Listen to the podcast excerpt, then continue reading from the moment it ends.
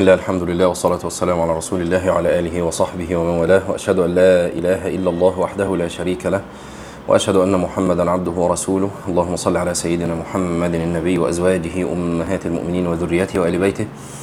كما صليت على آل إبراهيم إنك حميد مجيد. أما بعد يقول الكاتب والباحثون الذين درسوا هذه الظاهرة يقصد ظاهرة إدمان الإنترنت تفاوتت نماذجهم التفسيرية المتخصصة في قراءة الظاهرة فمنها النموذج المعرفي السلوكي والنموذج العصبي الوظيفي ونظرية التعويض ونحوها. وهي مداخل ونماذج متخصصة ليس هذا الموضع المناسب ليس هذا الموضع المناسب لعرضها. ويمكن للمستزيد مراجعة الأبحاث المتخصصة أو الكتب الجامعة التي تستوعب خلاصات هذه الدراسات. ورغم اتفاق الباحثين في هذا الحقل على هذه الظواهر المرضية إلا أنهم يختلفون في تصنيفها هل يصنف فعلا اضطراب إدمان هل يصنف فعلا اضطراب إدمان؟ يعني مع ظهور هذه الظواهر اللي إحنا كنا ذكرنا شيئا منها فهل يصنف هذا باضطراب إدمان أم هو مجرد استعمال مرضي ومشكل لمحتويات محددة في شبك في شبكة الإنترنت؟ وهو جدل تصنيفي تخصصي يخرج عن إطار اهتمامنا هنا ويمكن مراجعته في الدراسات التي عنيت بعرضه. ثم يتكلم عن إدمان التواصل الشبكي. ينبه الباحثون في هذا الحقل إلى أنه ليس المراد بالإدمان الشبكي إدمان الآلات المادية المحسوسة لهذه الأجهزة التقنية. يعني لما بنقول يا جماعة إدمان ال ال الإنترنت أو الإدمان التواصل الشبكي لا نقصد إدمان التليفونات وإدمان الحواسيب إنما نقصد شيئا آخر بلا شك. هذا الذي يريد أن يقوله الكاتب. وإنما مرادهم بطبيعة الحال إدمان المحتوى ذاته وإنما هذه الأجهزة وسائط. وبشكل أكثر تحديدا فإن المحتوى الذي يشار له في هذه الدراسات هو شبكات التواصل الاجتماعي. يعني إيه اللي بي بيدمن في الإنترنت؟ فقال في الدراسات اللي اتعملت لقوا إن الذي يدمن شبكات التواصل الاجتماعي زي الفيسبوك وغيره وغرف الدردشة غرف الشات ويمكن زيها ال groups مثلا على الواتساب أو كده. طبعا غرف الدردشة يمكن الأجيال الجديدة ما ما, ما توعاش عليها. لكن الأجيال اللي يعني إيه فوق الثلاثينات 35 و40 وكده لا كانوا عارفين إيه هي غرف الدردشة يعني. لكن شبهها دلوقتي ال groups بتاعه الواتساب أو ال groups حتى اللي على الفيسبوك وغرف الدردشة وألعاب الفيديو والقمار الإلكتروني والمواد الإباحية ونحوها كما سيأتي الاشاره إليه. يعني كل هذا مما يدمن على الإنترنت. ويحظى الإفراط في الانهماك في شبكات التواصل الاجتماعي بدراسات خاصة تسمى اختصارا SNS Addiction. وهو يعنينا في موضوع كتابنا هذا أكثر من غيره من صور الإدمان الشبكي لأنه بحسب اطلاعي هو أكثر المحتويات الشبكية قدرة على اصطياد الشرائح الجادة المشغولة بالعلم والإصلاح. انتبهوا يا جماعة. يبقى ال ال إدمان الشبكات إدمان شبك إحنا قلنا الإدمان يكون إما في شبكات التواصل الاجتماعي وغيرها كما مر بنا منذ قليل زي غرف الدردشة زي المواد الإباحية زي الألعاب زي لكن هو بيقول أخطرها شبكات التواصل الاجتماعي من جهة.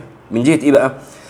إن هذا النوع من الإدمان الشبكي هو أكثر المحتويات الشبكية قدرة على اصطياد الشرائح الجادة. المشغولة بالعلم والإصلاح.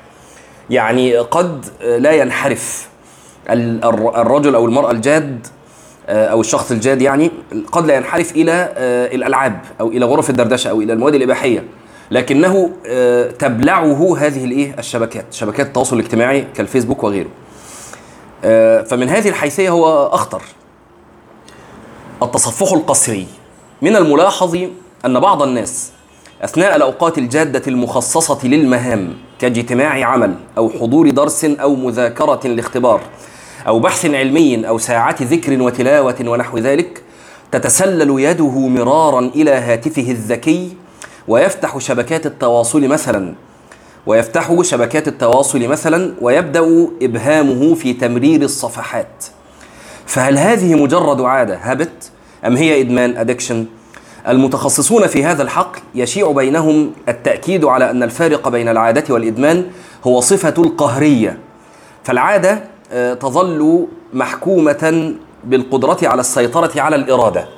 يعني آه، دي عادة ولا إدمان يا جماعة؟ طب ن- نفرق إزاي بين العادة والإدمان؟ آه، هو بيقول إن ال- ال- الفرق بين العادة والإدمان صفة القهرية. صفة القهرية يعني زي ما بيقول العادة تظل محكومة بالقدرة على السيطرة على الإرادة بخلاف الإدمان الذي يتحول إلى سلوك قهري. يعني إيه بقى؟ يعني إيه سلوك قهري بقى يا جماعة؟ يعني لو أنت حاولت تسيطر على نفسك ما تعرفش. وزي ما ادينا مثال المرة اللي فاتت اللي أول ما يفتح عينه من النوم قبل ما يعمل أي حاجة يلاقي إيديه رايحة لوحدها للتليفون علشان تفتحه وتبص على كل الإشعارات اللي جت ال notifications اللي وصلت له. أو يدخل على الفيسبوك وي scroll على الفيسبوك. طيب هو لو حاول يمنع نفسه يلاقي نفسه مش عارف يمنع نفسه هو ده سلوك قهري.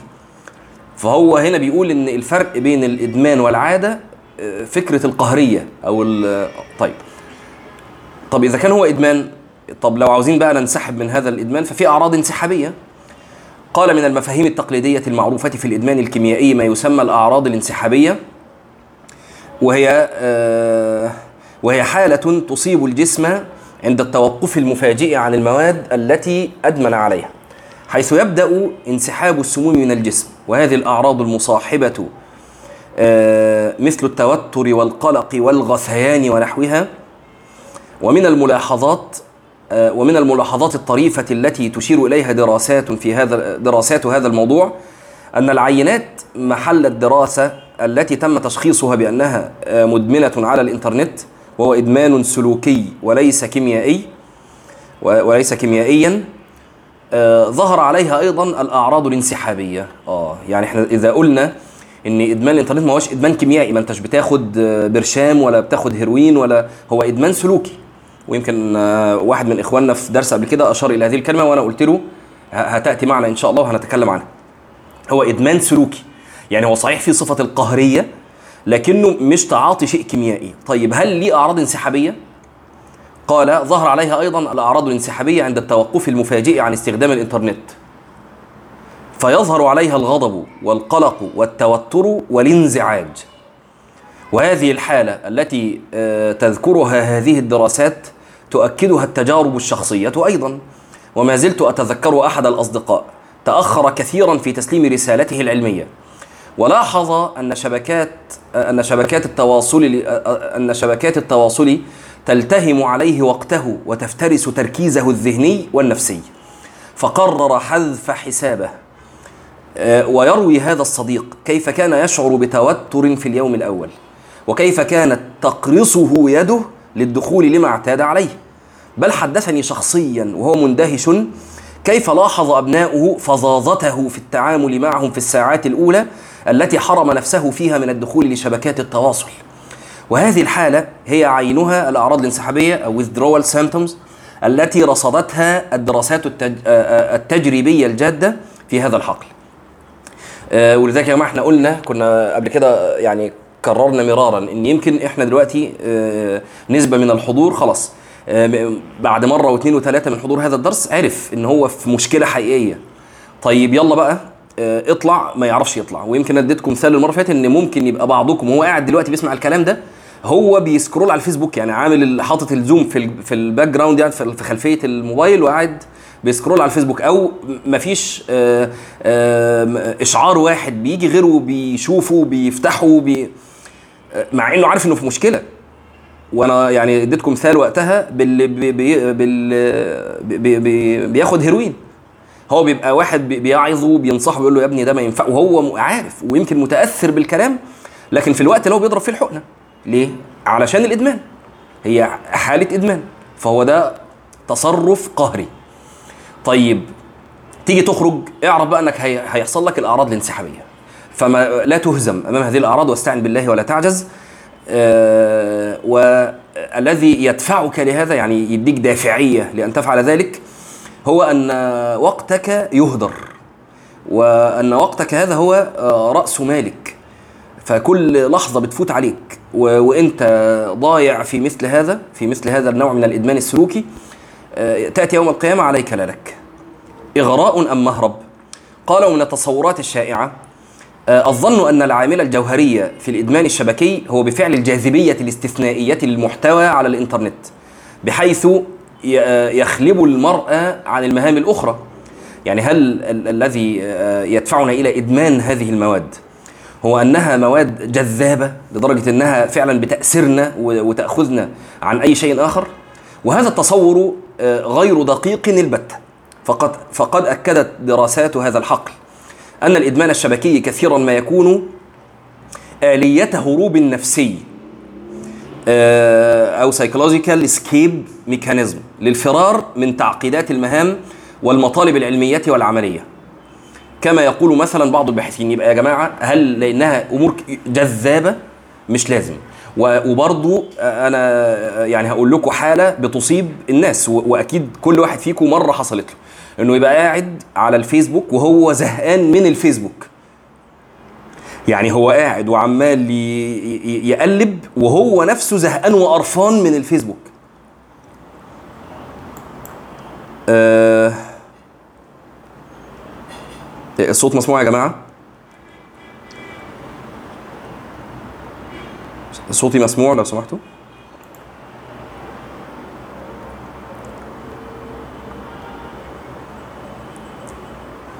طيب تمام. آه طيب ليه هو بقى بي... ليه هو في الحالة دي؟ إنه قاعد على ال... ال... الفيسبوك و وهو زهقان منه. ممكن يكون آلية هروب نفسي. يعني هو آه، بيهرب من مهام عليه وقد يكون بيهرب من الفراغ. يعني هو هنا الش- الشيخ أو الكاتب بيقول إن إن مش لازم يكون المحتوى جذاب. كثيرا ما يكون آلية هروب نفسي للفرار من تعقيدات المهام والمطالب العلمية والعملية. وأنا أزيدكم إنه ممكن يكون آه، آه، فرار من الفراغ الذي هو فيه. فهو كيف يقطع الوقت؟ يقوم فاتح وداخل. ويمكن وهو بيقلب يلاقي نفسه عمال يقلب في نفس الحاجات اللي كان مقلب فيها من نص ساعة ولا من ساعة ويقلب فيها تاني. ليه يهرب من الفراغ. خلاص؟ وكما قال بعض السلف نفسك إن لم تشغلها بالحق شغلتك بالباطل فلا بد إنك تنشغل. آه، كما يقول مثلا بعض الباحثين. يقول هذا النوع من التفكير المكروب قد يقود إلى استخدام قهري للإنترنت لتوفير آلية هروب نفسي لتحاشي المشكلات الحقيقية أو المتخيلة. وأنا برضو قبل كده مش مش فاكر قلت في الدرس ده ولا غيره. فكرة يا جماعة آه، آه، ال- ال- إن ده بيسموه آه، واقع افتراضي.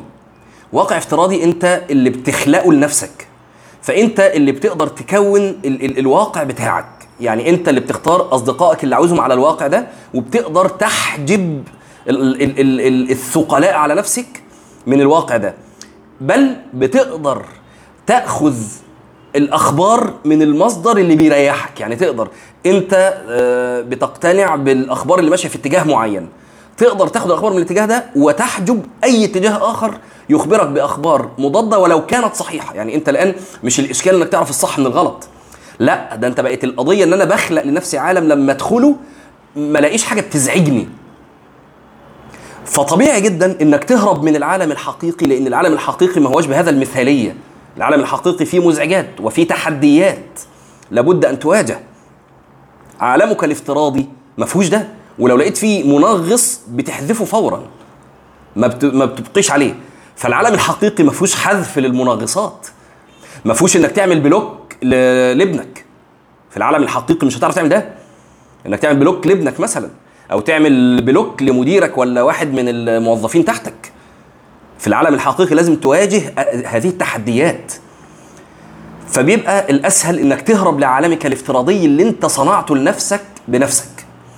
ليه؟ لأنه عالم بلا مزعجات وعالم بلا آه، تعقيدات وعالم بلا تحديات. وإذا ظهر أي شيء من هذه في هذا العالم الافتراضي بيتم فورا إما حذفه وإما حجبه عنك بالكلية. قال ومما يؤكد مثلا هذه النتيجة التي يذكرها الباحثون أن المرأة يلاحظ في التجارب الشخصية أن الطلاب يتكثفوا شعورهم بالإلحاح النفسي الداخلي لزيارة مواقعهم المفضلة على الشبكة في أوقات ضغط المهام كأوقات الاختبارات الدراسية أو في أوقات العبادة الجادة في رمضان ونحو ذلك. وليس ذلك لإغراء هذه المواقع بقدر ما هو حيلة ذاتية للتنفس خارج ضغط المهام المكتظة أو الثقيلة. التصفح, التصفح الملثم. ومن أكثر الظواهر التي كشفتها دراسات هذا الموضوع لفتا للانتباه هو محاولة هو محاولة المفرط في استعمال الإنترنت الكذب وإخفاء الوقت الحقيقي الذي مكثه في استعمال الإنترنت. وإظهار أنه وقت قليل وعابر. حتى أن عددا من دارسي هذا الموضوع اعتبره من علامات الإدمان الشبكي. يعني يعني أنك تكثر من الدخول ولكن في نفس الوقت تريد أن تخفي ذلك. كما يقول بعض الباحثين العلامات التي قد تشير إلى إدمان الإنترنت تشمل الآتي فمنها محاولة إخفاء أو تمويه كميات الوقت المستغرقة على الشبكة. ويعتبر هذا السلوك الطريف أحد أدوات مقياس اختبار إدمان الإنترنت. حيث يوجد في حيث يوجد في, في هذا المقياس سؤال يقول كم عدد المرات التي حاولت فيها إخفاء مدة مكثك على الشبكة؟ وهذه الحالة التي يشير التي تشير لها هذه الدراسات هي بصراحة أكثر عرض استحوذ على انتباهي. فالدراسات الإنسانية التي يقرأها الباحث ويتفاعل مع نتائجها ورصدياتها تتفاوت دوافعه في هذا التفاعل. فتارة تجده يقتبس منها مادة في بحوثه ويستشهد بها لا لأنها كشفت له جديدا وإنما لأنها برهنت له ظاهرة يعرفها من قبل. فهو يستفيد من هذه الدراسة ليحول الفكرة من مجرد ملاحظة شخصية إلى معطى بحثي تطمئن له النفوس.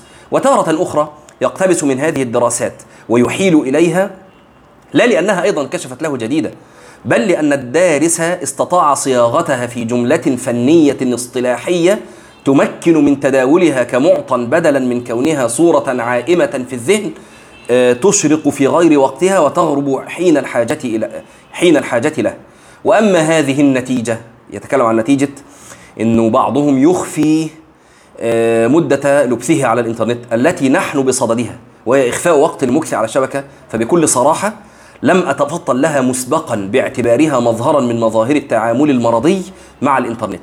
وحين قرأت هذه الدراسات حول هذا العرض بدأت الذكريات تنساب حول بعض الأحداث التي فسرها لي هذا المفهوم. لقد تذكرت مثلا أحد الأصدقاء وهو يبوح لي بمعاناته ويفضي لي بمعاركه النفسية مع الاستغراق في الشبكة. كان يقول لي أنه يخجل من أن يتفطن الناس لمدة جلوسه على شبكات التواصل لدرجة أنه أحيانا يمسك هاتفه الذكي بطريقة ممالة لئلا يرى المجاورون حقيقة ما يصنعه. ويوهمهم أنه يراجع بهاتفه مجرد أمر عارض هام. طبعا إحنا بنقول الكلام ده كل بقى واحد منا يسقط هذا على نفسه. يعني من يفعل ذلك أو شبه ذلك يعرف إن دي علامة إدمان. وحكى لي أحد طلبات العلم المميزين أنه يدخل متخفيا إلى شبكات التواصل بل ويشبع شهوة التعليق أحيانا بأسماء مستعارة كل ذلك لئلا ينصدم الآخرون باستهلاك وقته في هذه الشبكات وهم يظنونه طالب علم جاد لا لا يطيق رفع عينيه عن كتابه. ولا أحصي كم سمعت طويلب علم يردد أنه لا يعلم ما في هذه الشبكات وأنه مشغول وربما أبدى التعجب في البداية لبعض ما ينقله الجلساء عنها. حتى إذا ثار الحديث عن آخر المعارك الشبكية نسي نفسه وتحدث حديث المتابع لأدق تفاصيلها يعني هو يتابع لكن يريد أن يظهر في عباءة طالب العلم الذي لا يتابع مثل هذه الترهات. طبعا والكلام يفضح فبينما هم يتحدثون إذ بهم يتحدثون عن عن أحد أو عن أحد المجريات أو الترندات بلغة العصر فإذا به يعني يحفظ الترند وما قيل فيه وما رد عليه وكذا. لكنه يخفي متابعته خجلا من الناس أن تتخلخل صورته الذهنية العلمية السامقة في تصوراتهم. وكم للنفوس من أغوار نائية سحيقة. قال العمى الزمني ومن الظواهر التي كشفتها هذه الدراسات بشكل مبكر آآ آآ ما يسميه بعض الباحثين التواء أو التفاف الزمن أو الثقوب الزمنية. وهو استعارة لظاهرة فلكية افتراضية بحيث يبدو المتصل كأنما يقفز من لحظة زمنية إلى أخرى ويقصدون به آه، مشكلة فقد الإحساس بالزمن. يعني يا جماعة كأنك وثبت من لحظة لأخرى. يعني أنت مسكت تليفونك آه، بعد ما صليت الفجر فإذا بك آه، يعني لم تنتبه إلا والشمس قد طلعت الشروق. وكأن في هنا إيه يا جماعة؟ في في كده فجوة زمنية حصلت. هو الوقت ده راح فين؟ هو أنت مش منتبه للوقت اللي هو بيسموه إيه بقى؟ فقد الإحساس بالزمن أثناء الاتصال بالشبكة. يقول بعض الباحثين وهو يشرح مشكلة أحد المراجعين له آه، تحكي روبن ذكر ذكرياتها قائلة. في إحدى المرات بقيت على الشبكة لمدة طويلة حتى أنني سمعت زقزقه العصافير. وأمكنني آه، رؤية الشمس تشرق خارج نافذتي. قبل أن أدرك أن الساعة بلغت السادسة الذي هو وقت استيقاظي من النوم.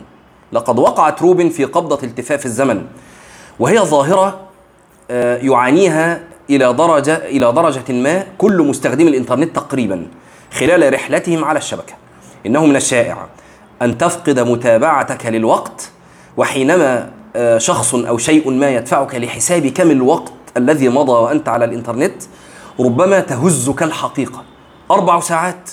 لقد بدت وكأنها فقط خمس عشرة دقيقة, خمس عشرة دقيقة. آه هذا الكتاب الذي أشار لتشخيص هذه الظاهرة أعني انسياب الوقت آه في ملاحقة الماجريات على شب على الشبكات دون شعور نشرته الباحثة عام 1998 ميلادية أي قبل 17 أي قبل 17 عاما من اليوم. وما زادت التطبيقات الشبكية الجديدة هذه الحالة إلا تعقيدا ولا حول ولا قوة إلا بالله. مدمن البيانات. من العقبات المعروفة في البحوث العلمية شح المعلومات في موضوع البحث.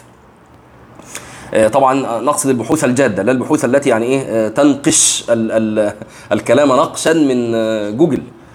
من العقبات المعروفة في البحوث العلمية شح المعلومات في موضوع البحث التي تجعل الباحث يقلب الكتب وهو كاسف البال ويراسل المتخصص المتخصصين فلا يعود بطائل ويصبح البحث كالجبل فوق رأسه. ولكن ليس هذا كل شيء. ليس شح المعلومات هو المشكلة فقط. فإن الكثرة المفرطة في المعلومات موضوع آه، فإن الكثرة المفرطة في المعلومات موضوع البحث هي أيضا عقبة أخرى أكثر شيوعا اليوم مع الكم الهائل من انتشار المعلومات آه، عبر الإنترنت. طبعا بقت المعلومات كثيرة جدا وربما تثبط بعض الناس عن الدخول أصلا. يعني لما يلاقي كم الم... هو عاوز مثلا يذاكر حاجة فيلاقي كل ده فيها يقول لك عم مش مذاكر. فترى الباحث كلما ظن أنه استوعب منطقة البحث وحرثها جيدا انفتحت عليه أبواب ومساحات أخرى ومساحات أخرى فيتشعب ويتفرع وينعقد حتى وينعق ويتع... ويتعنقد من العنقود يعني حتى تخور قواه. فلا يسعفه الوقت لدراسة هذه المعلومات المتدفقة المتناسلة. وبذات الوقت يعز عليه أن يختم البحث ويستخلص ويستخلص النتائج وما زالت بعض معطياته مجهولة له. وما زالت بعض آه، معطياته مجهولة له وخصوصا إذا كان الباحث من المصابين بشهوة الاستقصاء. فما الذي يحدث في هذه الحالة؟ الحقيقة أن أخطر ما يمكن أن يحدث هو أن تخور قواه فيدع الباحث البحث على ما هو عليه ويجعله مجرد مستندات محفوظة في جهازه المحمول. ويبدأ رحلة مشروع مشروع بحث جديد هروبا من الضغط النفسي السابق.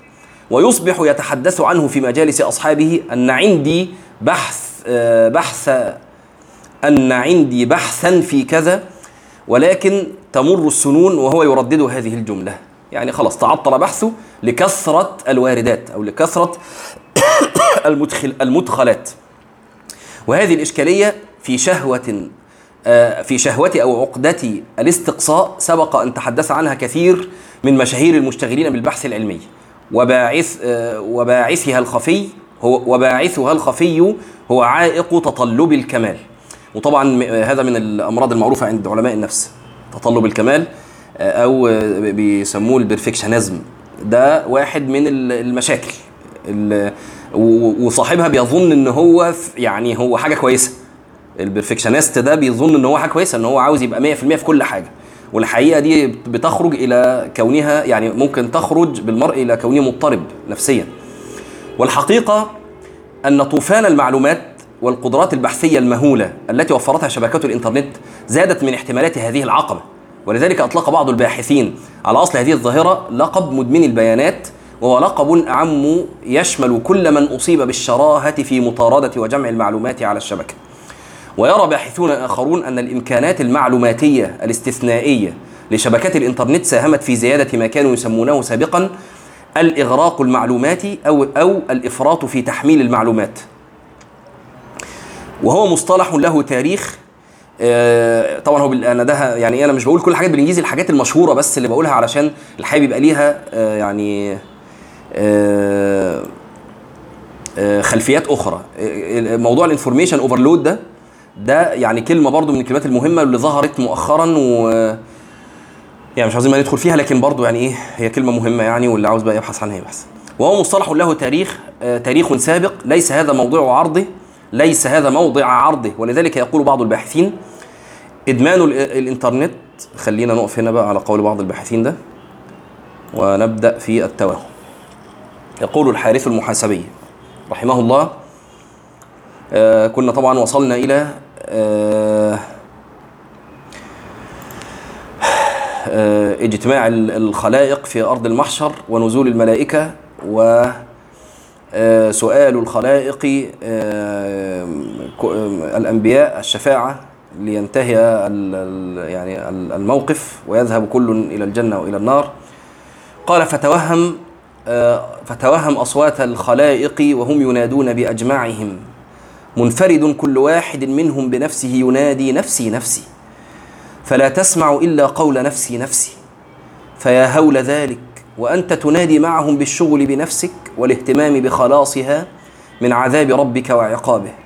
فما ظنك بيوم ينادي فيه المصطفى آدم والخليل إبراهيم والكليم موسى والروح والكلمة عيسى مع كرامتهم على الله عز وجل وعظم قدر منازلهم عند الله عز وجل. كل ينادي نفسي نفسي شفقة من شدة غضب ربه. فأين أنت منهم في إشفاقك في ذلك اليوم واشتغالك بذلك اليوم؟ يعني هؤلاء وهم أكرم الخلق على الله عز وجل الرسل وبالذات أولو العزم من الرسل. كل ينادي نفسي نفسي لقد غضب الله اليوم غضبا لم يغضب مثله ولن يغضب بعده مثله. طيب وأنت بقى؟ وأنت الملطخ بالأوزار المحمل بالخطايا وال- والعصيان ال- الكسلان ال- المجرم الآبق آه، كيف حالك حينها؟ قال وبحزنك وبخوفك حتى إذا أيس الخلائق من شفاعتهم لما رأوا من اشتغالهم لأنفسهم أتوا النبي محمدا صلى الله عليه وسلم فسألوه الشفاعة إلى ربهم فأجابهم إليها ثم قام إلى ربه عز وجل واستأذن عليه فأذن له ثم خر لربه عز وجل ساجدا ثم فتح عليه من محامده والثناء عليه لما هو أهله وذلك كله بسمعك وأسماع الخلائق حتى أجابه ربه عز وجل إلى تعجيل عرضهم والنظر في أمورهم. فبينما أنت مع الخلائق في ظل في ظلم القيامة وشدة كربها منتظر متوقع لفصل القضاء والحلول والحلول في دار النعيم أو الحزن سطع نور العرش وأشرقت الأرض بنور ربها وأيقن, قل وأيقن قلبك بالجبار. وقد أتى آه، أمر آه، آه، وقد آه، مش عارف مش عارف الكلمة عليه حتى كأنه لا يعرض عليه أحد سواك. ولا ينظر إلا في أمرك. يعني كأن شيء كده أتى في قلبك إن هو إيه؟ الله عز وجل سبحانه وتعالى وتقدس. إنما جاء لك. عن حميد بن ابن هلال قال آه، ذكر لنا أن الرجل يدعى يوم القيامة إلى الحساب فيقال يا فلان ابن فلان هلم إلى الحساب حتى يقول ما يراد أحد غيري. مما يحضر به من الحساب. ثم نادى يا جبريل آه، ائتني بالنار. فتوهمها.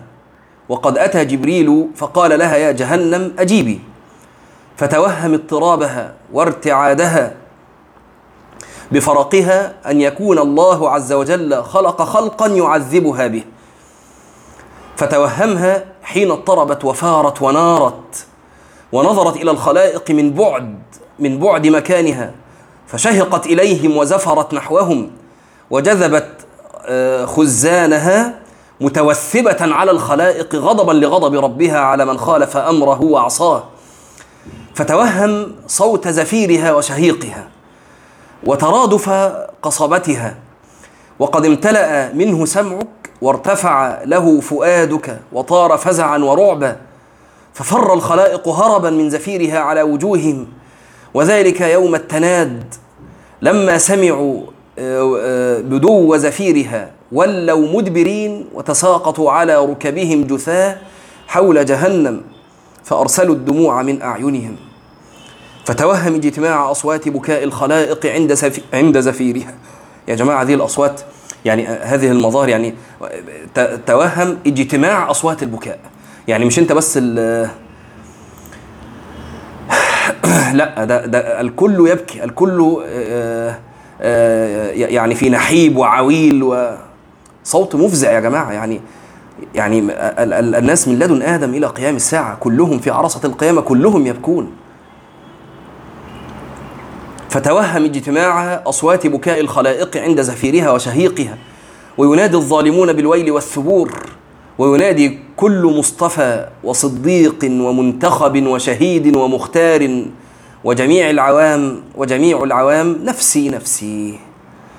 فتوهم أصوات الخلائق الأنبياء فتوهم أصوات الخلائق الأنبياء فمن دون فمن دون. كل عبد منهم ينادي نفسي نفسي وأنت قائلها. فبين أنت مع الخلائق في شدة الأهوال ووجل القلوب إذ زفرت الثانية. فيزداد رعبك ورعبهم وخوفك وخوفهم.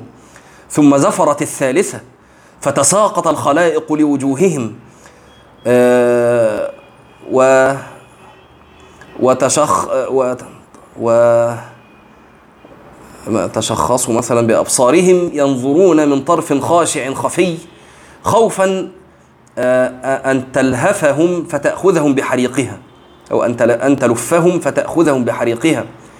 وانتصفت عند ذلك قلوب الظالمين فبلغت لدى الحناجر كاظمين فكظموا عليها وقد غصت في حلوقهم وطارت الألباب وذهلت العقول من السعداء والأشقياء أجمعين فلا يبقى رسول ولا عبد صالح مختار إلا ذهل لذلك عقله فأقبل الله عز وجل.